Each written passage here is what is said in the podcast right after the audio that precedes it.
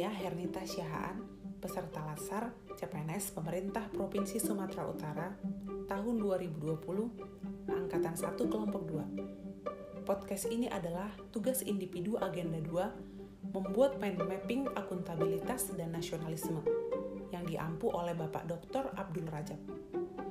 Akuntabilitas Akuntabilitas merujuk pada kewajiban setiap individu kelompok, atau institusi untuk memenuhi tanggung jawab yang menjadi amanahnya, yaitu menjamin terwujudnya nilai-nilai publik. Nilai-nilai publik ada empat.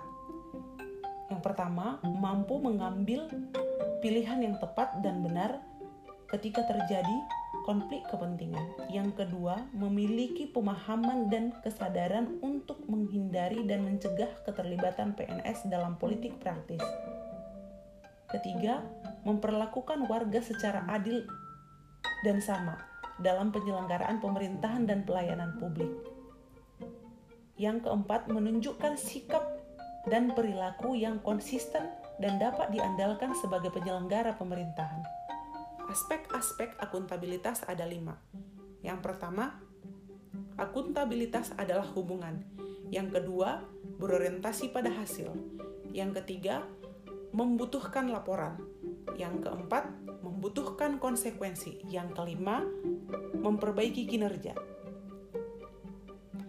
Mekanisme akuntabilitas birokrasi Indonesia ada tiga.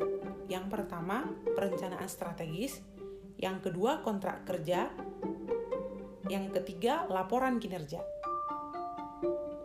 Untuk menciptakan lingkungan kerja yang akuntabel, maka harus memiliki yang pertama kepemimpinan, yang kedua integritas, yang ketiga keadilan, yang keempat transparansi, yang kelima tanggung jawab, yang keenam kepercayaan, yang ketujuh keseimbangan, yang kedelapan kejelasan, yang kesembilan konsisten. PNS yang akuntabel adalah PNS yang mampu mengambil pilihan yang tepat.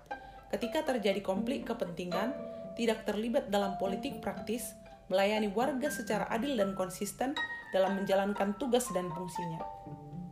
Nasionalisme Nasionalisme adalah suatu sikap politik dari masyarakat suatu bangsa yang mempunyai kesamaan kebudayaan dan wilayah serta kesamaan cita-cita dan tujuan dengan demikian masyarakat suatu bangsa tersebut merasakan adanya kesetiaan yang mendalam terhadap bangsa itu sendiri.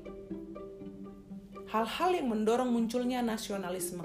Yang pertama, adanya campur tangan bangsa lain misalnya penjajahan dalam wilayahnya. Yang kedua, adanya keinginan dan tekad bersama untuk melepaskan diri dari belenggu kekuasaan absolut. Yang ketiga, adanya ikatan rasa senasib dan sepenanggungan. Yang keempat, bertempat tinggal dalam suatu wilayah.